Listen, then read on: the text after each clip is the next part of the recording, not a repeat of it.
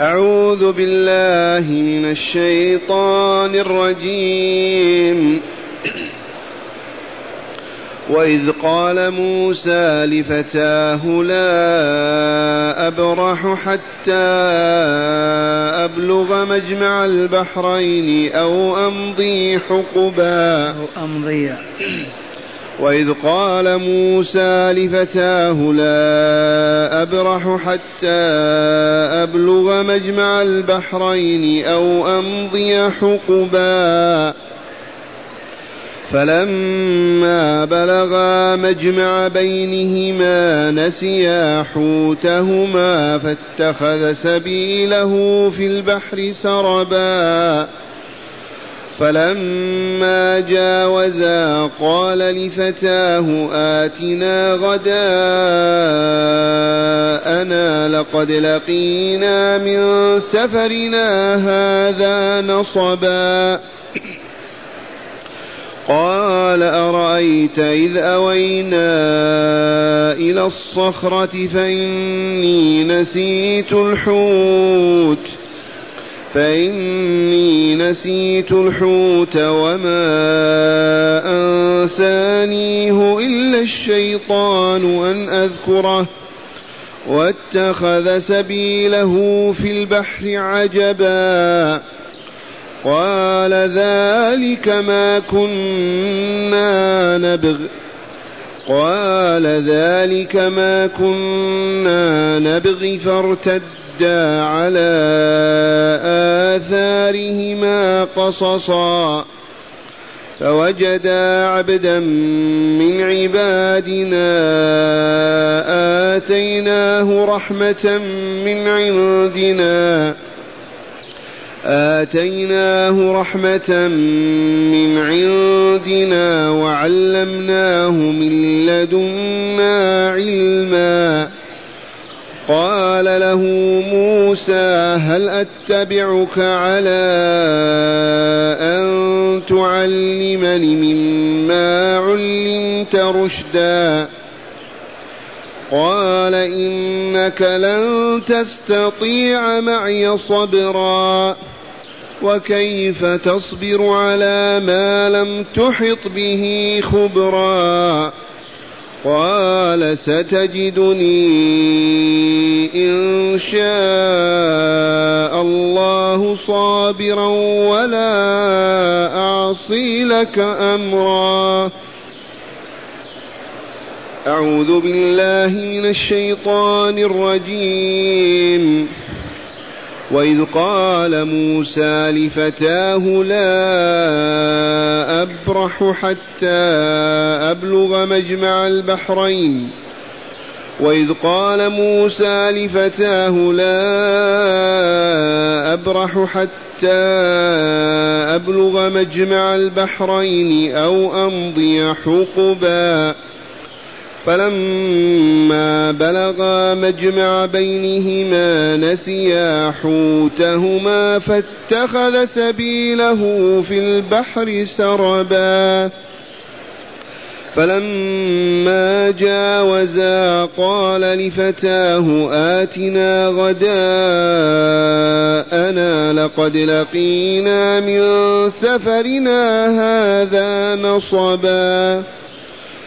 قال أرأيت إذ أوينا إلى الصخرة فإني نسيت الحوت فإني نسيت الحوت وما أنسانيه إلا الشيطان أن أذكره واتخذ سبيله في البحر عجبا.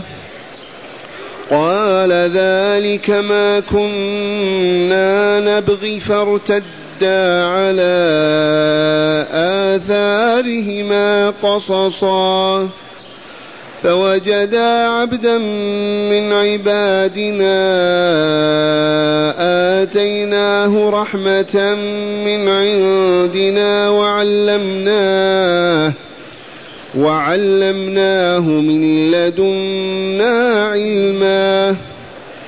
قال له موسى هل أتبعك على أن تعلمني مما علمت رشدا؟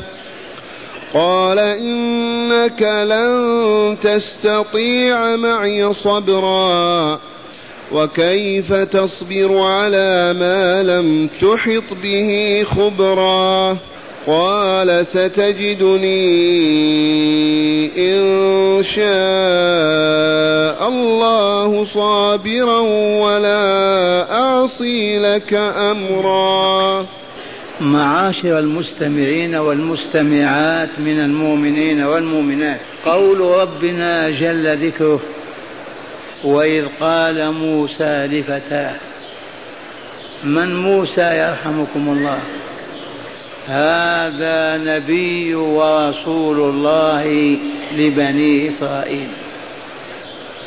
هذا موسى بن عمران وسمي موسى الأصل موشي لأنه وجد بين الماء والشجر.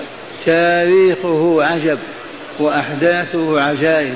لا بأس أن تلم ببعض الشيء. فرعون ملك مصر. قال له خواصه هؤلاء يعنون بني إسرائيل إذ نازح يعقوب عليه السلام لما تولى ولده يوسف عليه السلام وحكم الديار المصرية نازح, نازح, نازح مع أولاده إلى مصر.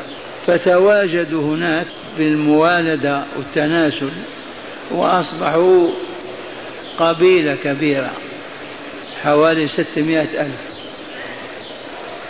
فالخواص حذروا فرعون من هؤلاء الإسرائيليين.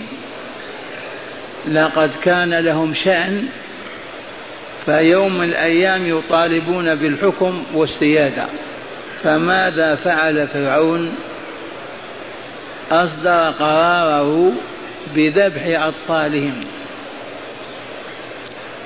إذا حملت المرأة تبلغ البلدية بأنها حبلى وأنها تلد في شهر كذا فتأتي هيئة خاصة ينتظرون الوضع. إذا وضعت ذكرا ذبحوا وإن وضعت أنثى تركوها.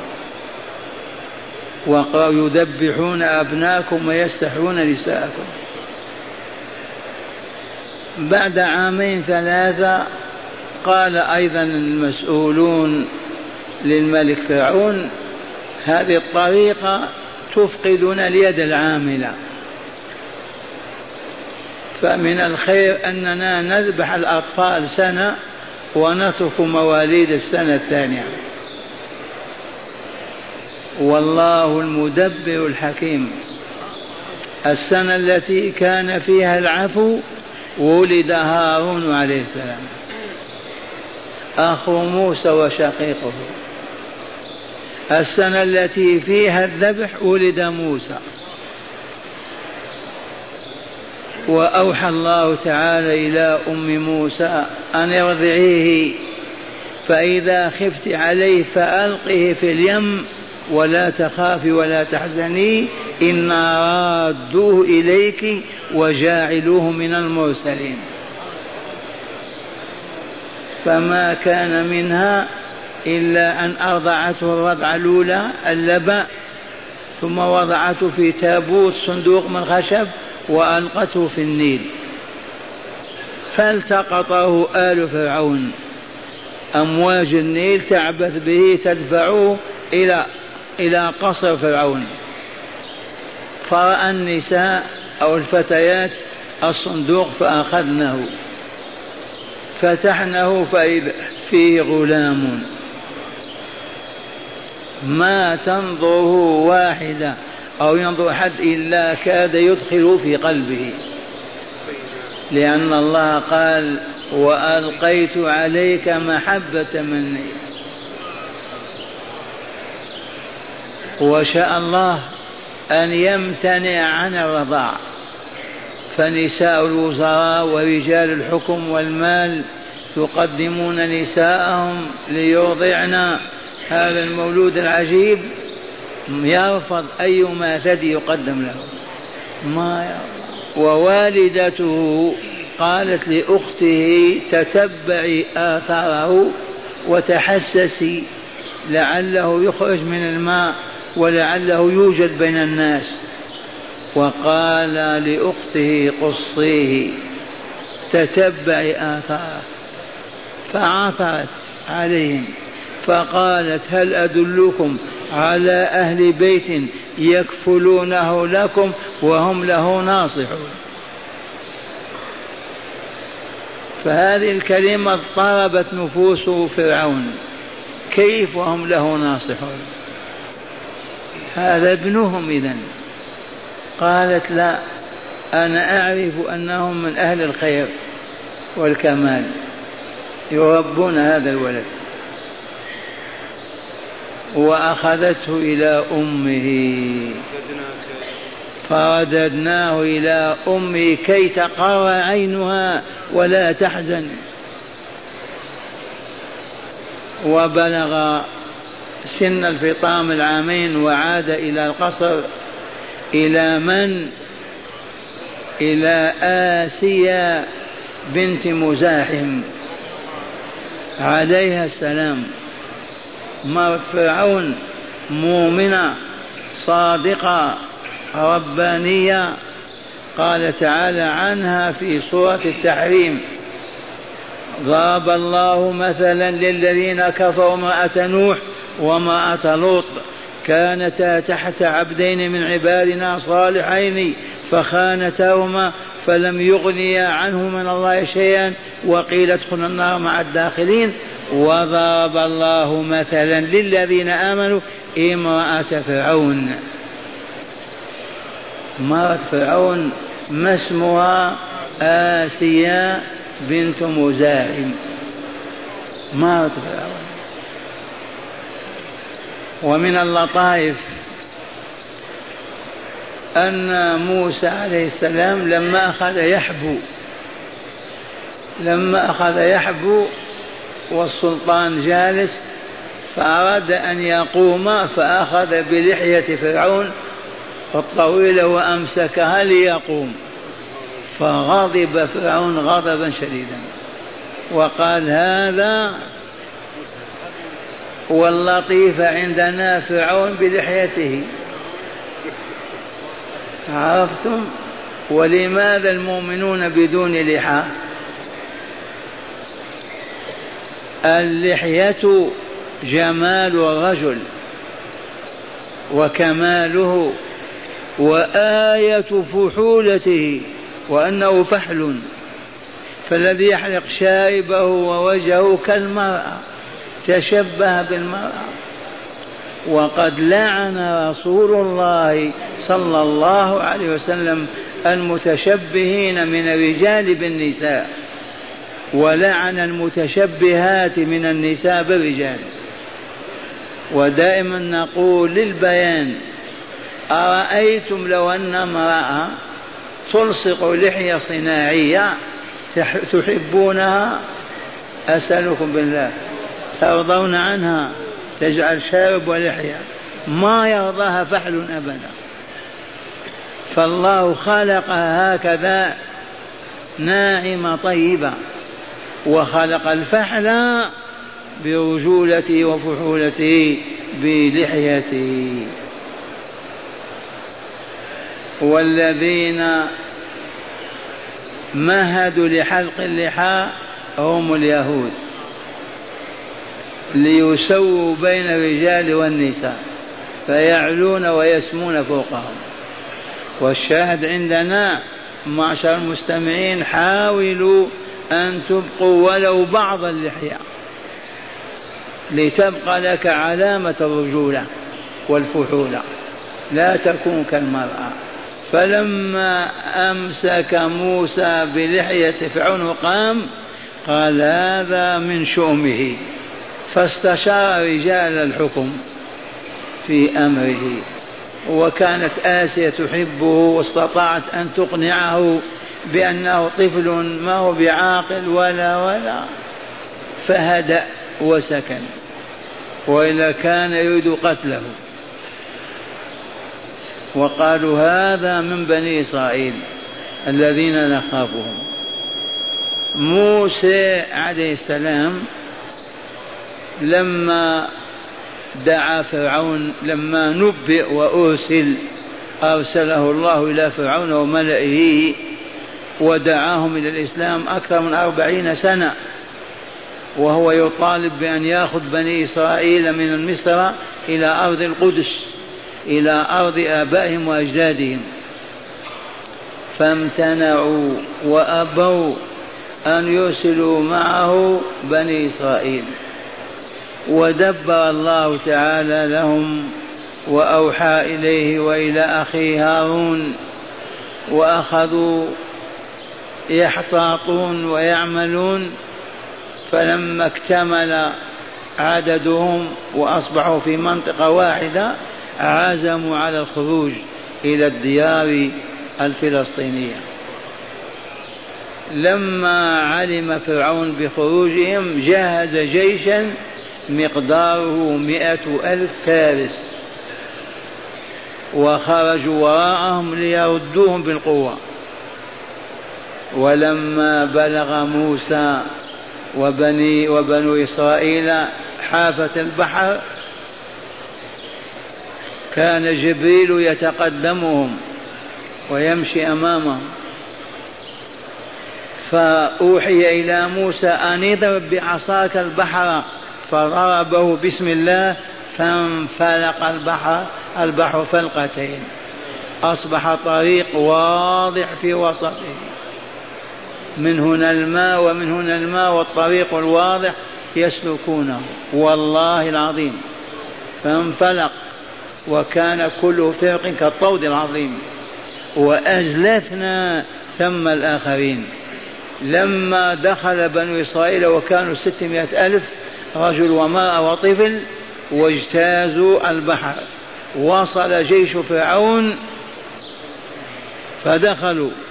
لما توسطوا البحر وما بقي أحد من وراء أطبق الله عليهم البحر. فأغرقهم أجمعين. فأغرقناه ومن معه أجمعين. هلك فرعون ومن معه.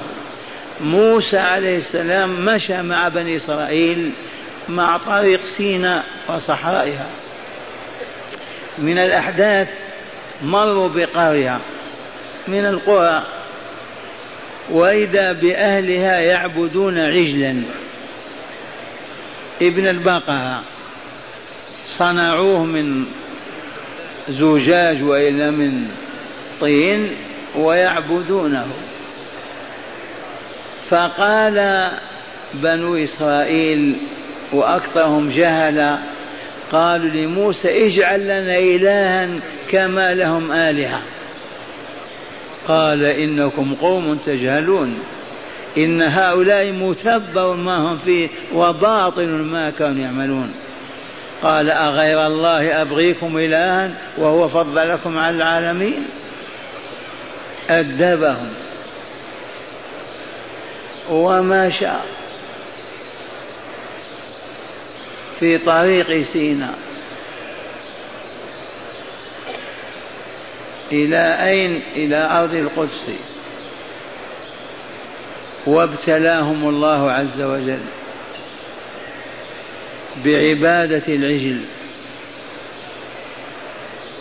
وإذ واعدنا موسى أربعين ليلة. اتخذتم العجل من بعده وعبدوه. وبإيجاز دخلوا أرض سيناء وكتب الله عليهم التيهام فيها أربعين سنة. لماذا لذنوبهم؟ لأنه طلب منهم أن يجهزوا رجالهم ليقاتلوا العمالقة. قالوا ما نستطيع نحن ضعفاء وأقلية هؤلاء عمالقة ما نقدر على قتالهم. وقالوا كلمة اذهب أنت وربك فقاتلا إن هاهنا قاعدون. فما كان من الله إلا أن كتب عليهم التيه في صحراء سينا أربعين سنة. توفي موسى وتوفي هارون ودفنا في الصحراء.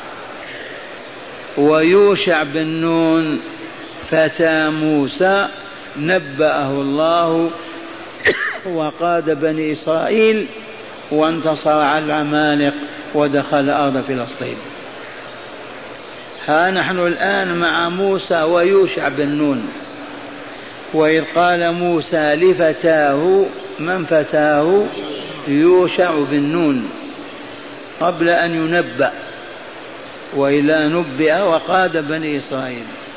حادثة وقعت أيام التيه. وإذ قال موسى لفتاه لا أبرح حتى أبلغ مجمع البحرين. ما سبب ذلك؟ سبب ذلك أن موسى قام خطيبا في بني إسرائيل.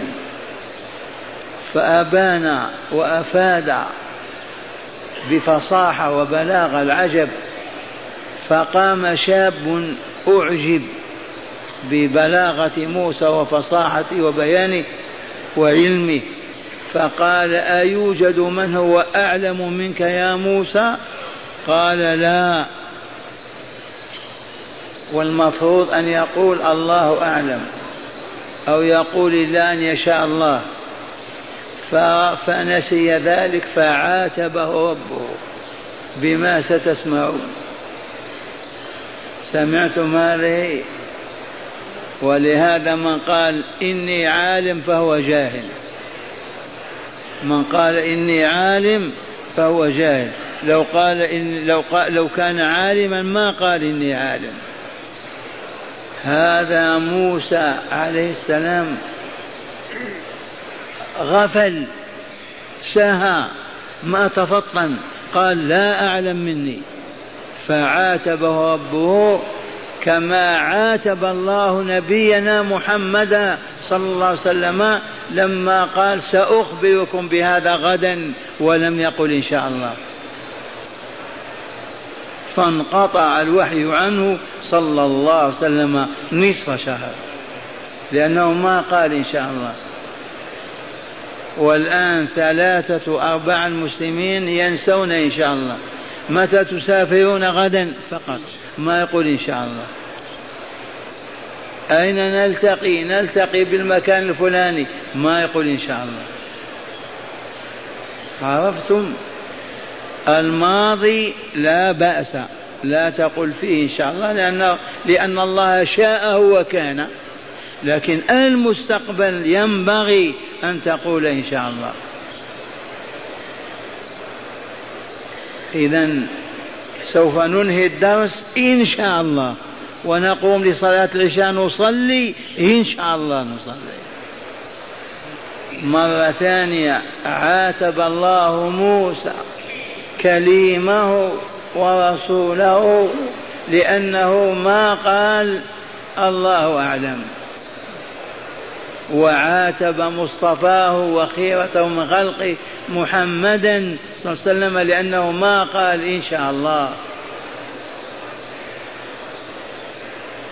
إذا فأوحى الله تعالى إليه أن عبدنا خضر أعلم منك. يوجد من هو أعلم منك وأنت ما تدري. إنه عبدنا خضر خاء ضاد خضر من الخضرة وهو نبي وليس برسول والقول بأنه عبد صالح هو والله عبد صالح ولكنه نبي يتلقى معارف من الله ما علمها موسى بالوحي الإلهي. وإذ قال أي اذكر يا رسولنا لقومك هذه الحادثة التي لا يمكن أن يعرف أحد إلا من يوحى إليه فهي دليل أنك رسول الله صلى الله عليه وسلم. من أين للنبي محمد العربي أن يعرف هذه الحادثة في التاريخ؟ ولكن آيات النبوة وعلاماتها واذكر حتى ما يقول كيف تكون رسولا. ما أنت إلا بشر مثلنا. اصطفاك الله. وإذ قال موسى لفتاه فتاه يوشع بن نون وهو نبي ولا خلاف في ذلك بين أهل العلم. قال لا أبرح لا أبرح سأواصل مشي. لماذا؟ لأن الله لما لم يستثني وقال أنا أعلم قال بلى عبدنا آخر أعلم منك أين يوجد يا ربي قال يوجد عند مجمع البحرين امشي إليه قال نمشي إليه لنطلب العلم الآن أصبح أعلم مني كيف أبقى لا بد وأن نطلب العلم مجمع البحرين حيث التقى بحر وبحر إما الأبيض والأطلنطي وهي طنجة كما في بعض الروايات وإما بحيرة طبرية ونهر الأردن وإما بحر القلزم وبحر الروم. وليس هناك حاجة إلى معرفة المكان إذ عرفنا سر ذلك. مجمع البحرين هناك تجد عبدنا خضير تعلم عنه. موسى قال لا أعلم مني. ومع هذا لما علمه ربه بأن هناك من هو أعلم منه طلب الهجرة والخروج إليه. هذه وحدها كافية في أن نطلب العلم حتى الموت. لا تقل أبدا علمت ما زلت ما علمت. فلهذا كان السلف يطلبون العلم حتى الوفاة. ما في من يستغني يقول أنا عالم أبدا. إذا وإذ قال موسى لفتاه لا أبرح السير هذا ولا أتركه حتى أبلغ أي أصل مجمع البحرين أو أمضي حقبا. سنين. لا بد من أن نمشي حتى نصل إلى هذا المكان الذي يوجد فيه من هو أعلم مني لأتعلم عنه. ولو نمشي حقب والحقب ثمانون سنة.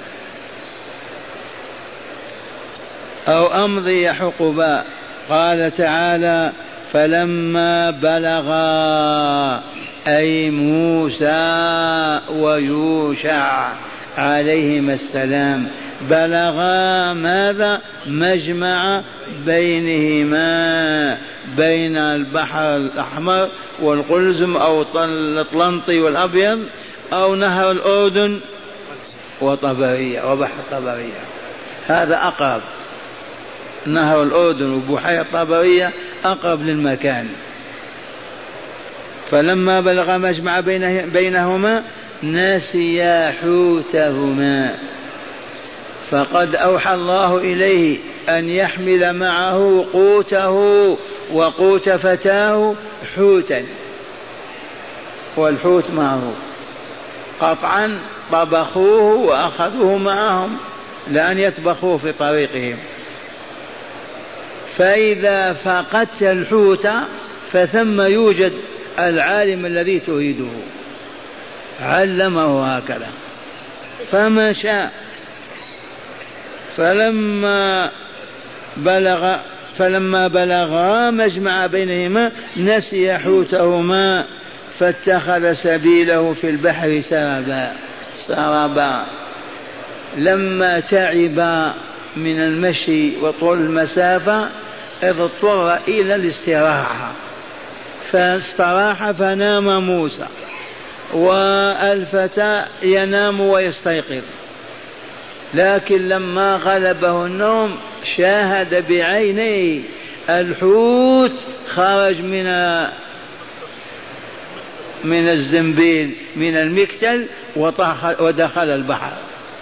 ومشى والبحر انشق له كالنفق وهو يشاهد. لكن غلبة النوم نعم. فلما استيقظ أين الحوت يا, يا يوشع؟ قال القضية كذا وكذا. لما نمنا أنا ما نمت نوما كاملا باقي ولكن رأيت الحوت خرج من المكتل ودخل البحر وانفلق البحر له وسرب فيه سربا. ولكن غلبني النوم ما أقمتك. قال فاتخذ سبيله في البحر سربا طريقا كالنفق. فلما جاوزا أي المكان الذي كان البحر دخل فيه الحوت فلما جاوزا قال لفتاه آتنا غداءنا. لما تجاوز ذلك المكان ومشوا استيقظا ومشيا مسافة بعيدة. آتنا غداءنا لقد لقينا من سفرنا هذا نصبا أي تعبا. قالت العلماء هذه ضربة. على رؤوس المدعين للتصوف وأنهم لا يحتاجون إلى الزاد ويخرجون متوكلين على الله. هذا موسى ويوشع معهم الحوت وإلا لا؟ مثل ما قال نحن متوكلون على الله. والله أمرنا. وفي القرآن الكريم من سورة البقرة كان بعض اليمنيين يخرجون من اليمن إلى الحج بدون زاد ويشحثون ويقولون ما نحتاج إلى الزاد والله معنا ونحن ذاهبون إلى بيته. فأنزل الله تعالى قوله فتزودوا إن خير الزاد التقوى. رد على الجماعة الذين يقولون نحن ذاهبون إلى الله وإلى لا وإلى بيته ما يحتاج نأخذ معنا الطعام في الطريق يرزقنا الله. فأدبهم الله. وهذا موسى الكليم عليه السلام ويوشع بن نون أخذ طعامهما وإلا لا. قال فاتخذ سبيله فلما جاوزا أي المكان قال لفتاه آتنا أعطنا غداءنا. لقد لقينا من سفر هذا نصبا. ماذا قال يوشع؟ قال أرأيت إذ أوينا إلى الصخرة التي نام تحتها فإني نسيت الحوت الحوت وما أنسانيه إلا الشيطان أن أذكره واتخذ سبيله في البحر عجبا. هيا نرجع إذا ذاك هو المكان. ذاك مجمع البحرين. قال ذلك ما كنا نبغي ونبغي ونطلب. فارتد على آثارهما قصصا. الطريقة نفس التي سلكوها. إلى أن وصلوا إلى المكان الذي نام فيه. فوجدا عبدا من عبادنا آتيناه رحمة من عندنا وعلمناه من لدنا علما. من هذا؟ الخضر. وجداه على طنفسة خضراء إلى ساحل البحر نايم ومغطى بأخرى غطى بها رجليه ورأسه. فلما وقف عليه موسى قال السلام عليكم. قال السلام أنت من أي أرض؟ هل يوجد بأرضك السلام؟ قال نعم. قال أنا موسى. من أنت؟ قال أنا موسى. هل بأرضك السلام؟ قال نعم. من أنت إذا قال أنا موسى. كليم الله. ومعنى هذا أنك إذا مررت بمؤمن ينبغي أن تسلم عليه. وإن كان نائما أو قاعدا. لكن السنة النبوية منهج الرسول العظيم الذي عليه أمته هو ما يلي. أولا يسلم الكبير على الصغير. تعرفون الكبير والصغير. الأكبر سنا يسلم على الصغير لأنه أعقل منه. ثانيا يسلم الراكب على الماشي. الراكب على الدابة وإلى السيارة هو يسلم لا الماشي يسلم عليه.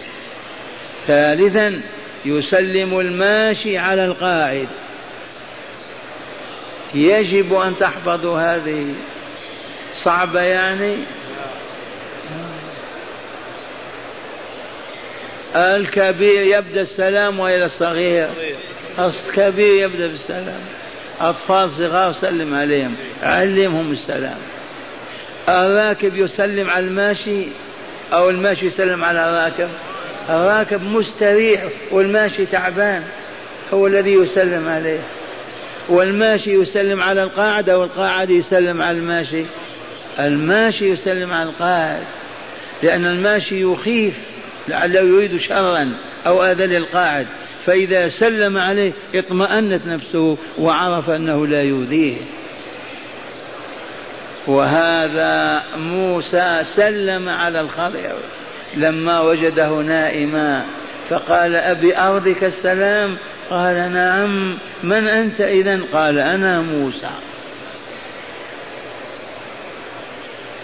فوجد عبدا من عبادنا آتيناه رحمة من عندنا وعلمناه من لدنا. هذا العلم اللدني. ما هو عند موسى؟ موسى عنده علم الشريعة. وهذا علمه الله علم الغيب. واستغل هذا الغافلون والجاهلون والمغرضون والماديون والمضللون وأصبحوا ينسبون علم الغيب للأولياء. سيدي فلان عنده العلم اللدني. أنت عندك العلم الشرعي فقط وهو عنده العلم اللدني. فجعلوه بمنزلة من؟ منزلة الخضر والخضر نبي الله مرة ثانية وجد في العالم الإسلامي أولياء كما يدعون يدعون الغيب يعلمون الغيب. لما؟ قال لأن الله علمهم هذا العلم اللدن منه خاصة. وأنتم يا علماء الشريعة تعرفون فقط الحلال والحرام. أما الشيخ يعرف الغيب. تأملوا هذه يجب أن تعرفوها. من ادعى علم الغيب فقد خرج من الإسلام. والله يقول إن الغيب إلا لله. ما الغيب إلا لله؟ رسول الله صلى الله عليه وسلم ما ادعى علم الغيب. وهؤلاء الدجالون من وضع أعداء الإسلام يدعون علم الغيب ويحتجون بعلم الله الذي أعطاه لعبده خضر عليه السلام. يسمون العلم اللدني فهمتم هذه وإلا لا؟ ماذا قال تعالى في الخضر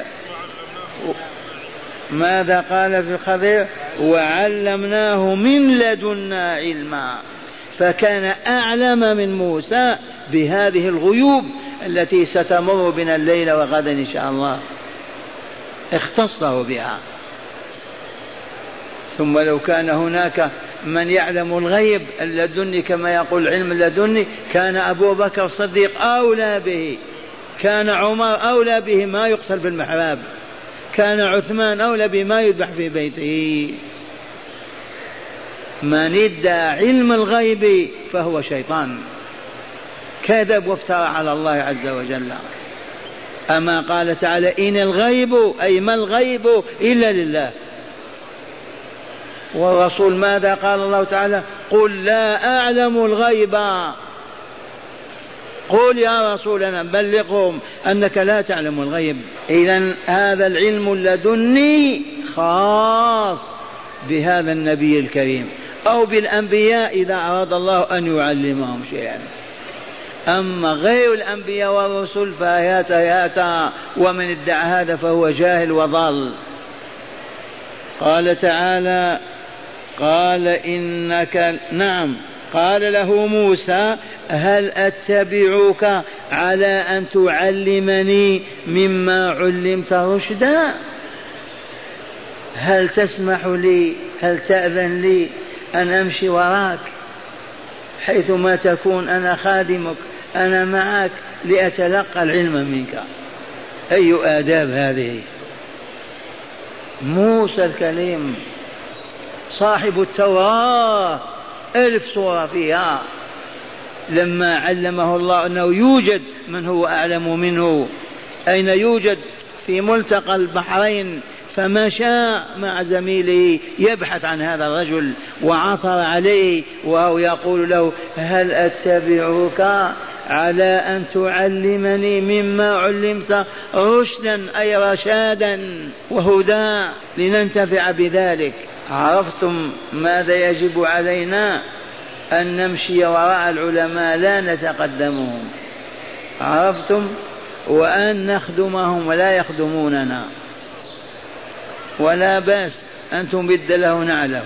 لكن بعض الهابطين الشاهد عندنا لا تتوغل في الموضوع.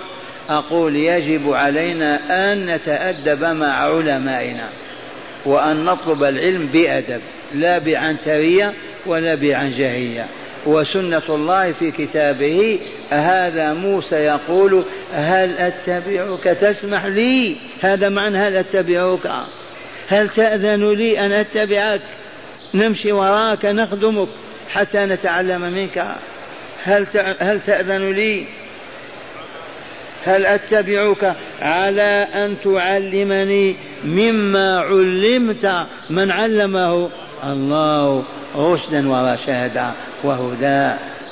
بما أجابه موسى؟ قال إنك لن تستطيع. معي صبرا ما تقدر. ما تستطيع. ما تطيق إنك لن الزمخشرية.